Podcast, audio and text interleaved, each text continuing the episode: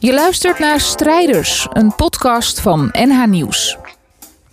Ambitieuze en inspirerende Noord-Hollanders vertellen hun verhaal. Ze vertellen over hun dromen, hun successen en ook over de hobbels die ze onderweg tegenkomen. Deze week het verhaal van René. Mijn naam is René Verhoogd en ik ben hier om iets te vertellen over het project van de buurtkastjes. Dat is een project wat ik begonnen ben omdat ik graag een bijdrage wil leveren aan het minder verspillen van voedsel. We zijn in het Wisseloordcafé in Hilversum. Op een sokkel, omringd door publiek, staat een voorwerp dat René heeft meegenomen. Het is een klein kastje met een deurtje waar glas in zit. Zo een die je op straat wel eens ziet met eh, boeken erin. Maar in deze staan wat boodschappen. Luister naar het verhaal van René. Nou, hartelijk dank.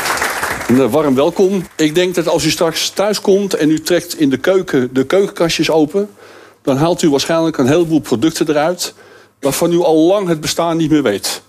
Dat komt uit kerstpakketten, dat is ooit eens in de supermarkt met een twee voor één prijs eh, aanbiedingen gekocht. Kortom, er staat heel veel in keukenkasten waar gewoon niks mee gedaan wordt. En dat was voor mij het eerste signaal. Ik dacht van, hé, hey, misschien moeten we daar iets mee doen. Het tweede signaal was dat ik op een gegeven moment eh, een artikel eh, onder ogen kreeg... waarin stond dat wij met z'n allen ontzettend veel boodschappen en eten gewoon weggooien. En dat is in de hele keten, zowel al van het land af tot aan de supermarkten... wordt gewoon gigantisch veel uh, goede producten komen in de vuilnisbak terecht. Toen dacht ik, hé, hey, dat is toch vreemd in een maatschappij waar wij... Ja, waar we ook mensen hebben die het gewoon iets minder hebben...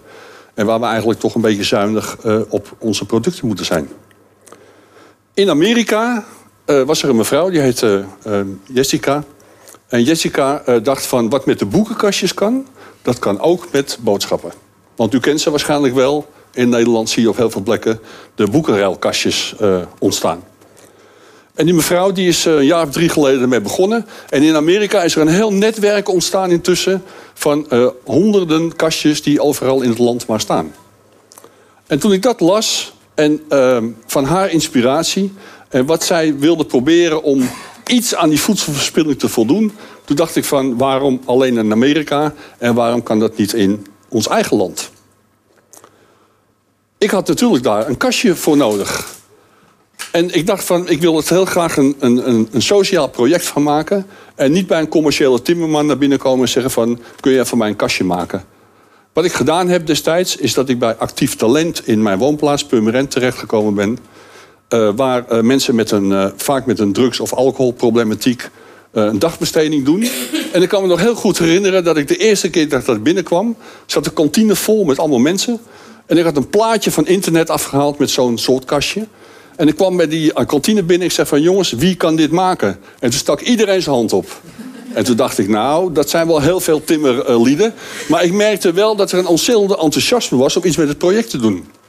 Nou, toen hebben we een eerste kastje gemaakt. En het eerste kastje is bij mij in de voortuin terechtgekomen bij onze eigen woning. Hij ziet er iets anders uit dan deze overigens. Want intussen ontwikkelt zo'n product zich natuurlijk een beetje door. Maar het eerste kastje was een feit. In januari komende januari is dat drie jaar geleden. En toen kwamen de reacties. Mensen zeiden, niet doen, geen goed plan. Het wordt allemaal gestolen, het wordt gesloopt. Het, het, is uh, vandalisme gevoelig. Begin er nou niet aan. En ik kreeg alle reacties van, waarom sta je, waarom sta je boodschappen buiten? Uh, wat, wat, wat, wat, is de bedoeling van het ding? Mensen wisten totaal niet wat daar de bedoeling van was.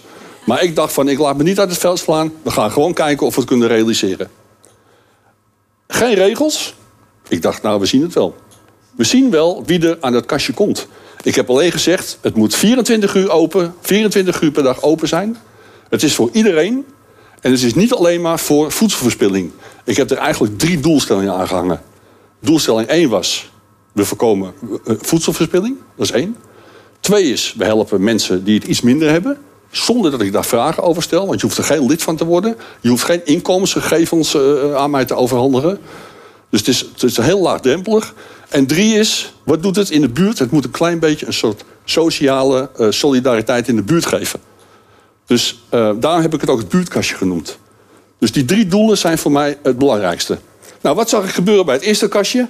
Mensen kwamen op hele rare momenten, s'avonds of s'nachts. Of, uh, en dan dacht ik van, producten zijn eruit. Mensen gingen producten erin zetten. En zeiden van, ja, maar moet ik dan alleen maar iets eruit halen? Of mag ik het erin zetten? Mag ik het ruilen? Ik zei, nou, alles kan. Ik heb geen regels. Ik heb geen regels.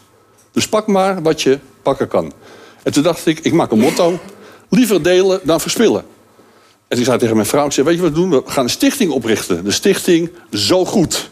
Van sociaal, goederen, zo goed. En van het liedje Zo Good, I Feel Good. En wat ik nou wil bereiken, dat is wat in Amerika gebeurd is.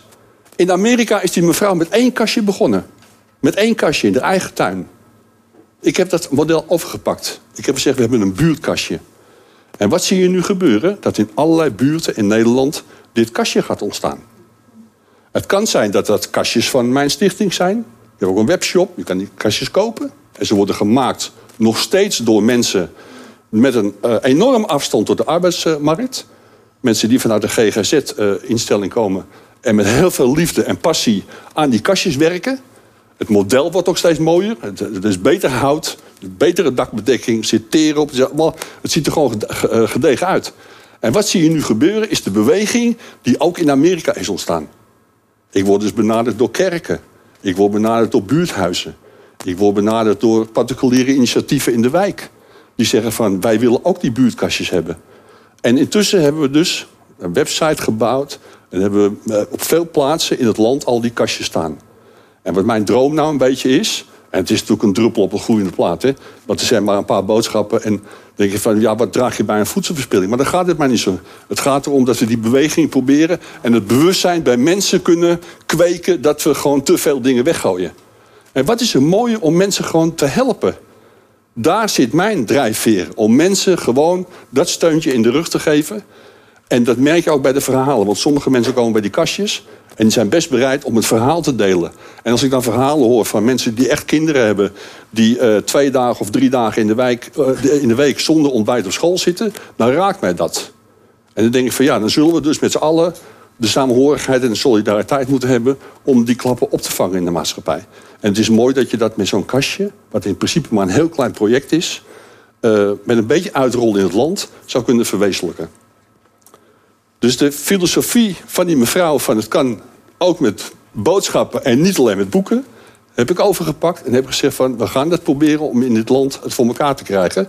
En ik ben best een beetje trots dat we dat, uh, ja, dat, dat ook lukt. En het gaat heel langzaam, want als je drie jaar bezig bent en er staan nog lang geen honderd kastjes, maar er is iedere keer weer een soort beweging van een kastje erbij. En overigens hoeft dat niet een kastje van mij te zijn.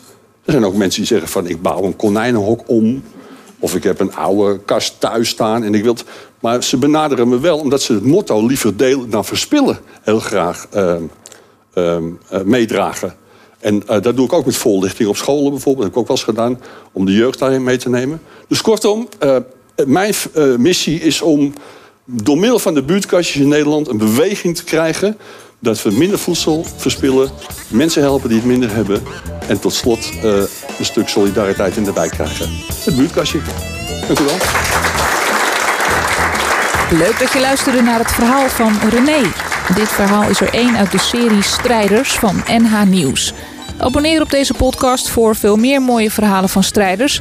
En we vinden het helemaal leuk als je een reactie achterlaat. Voor meer strijders en ook voor video's, kijk ook eens op nhnieuws.nl/strijders.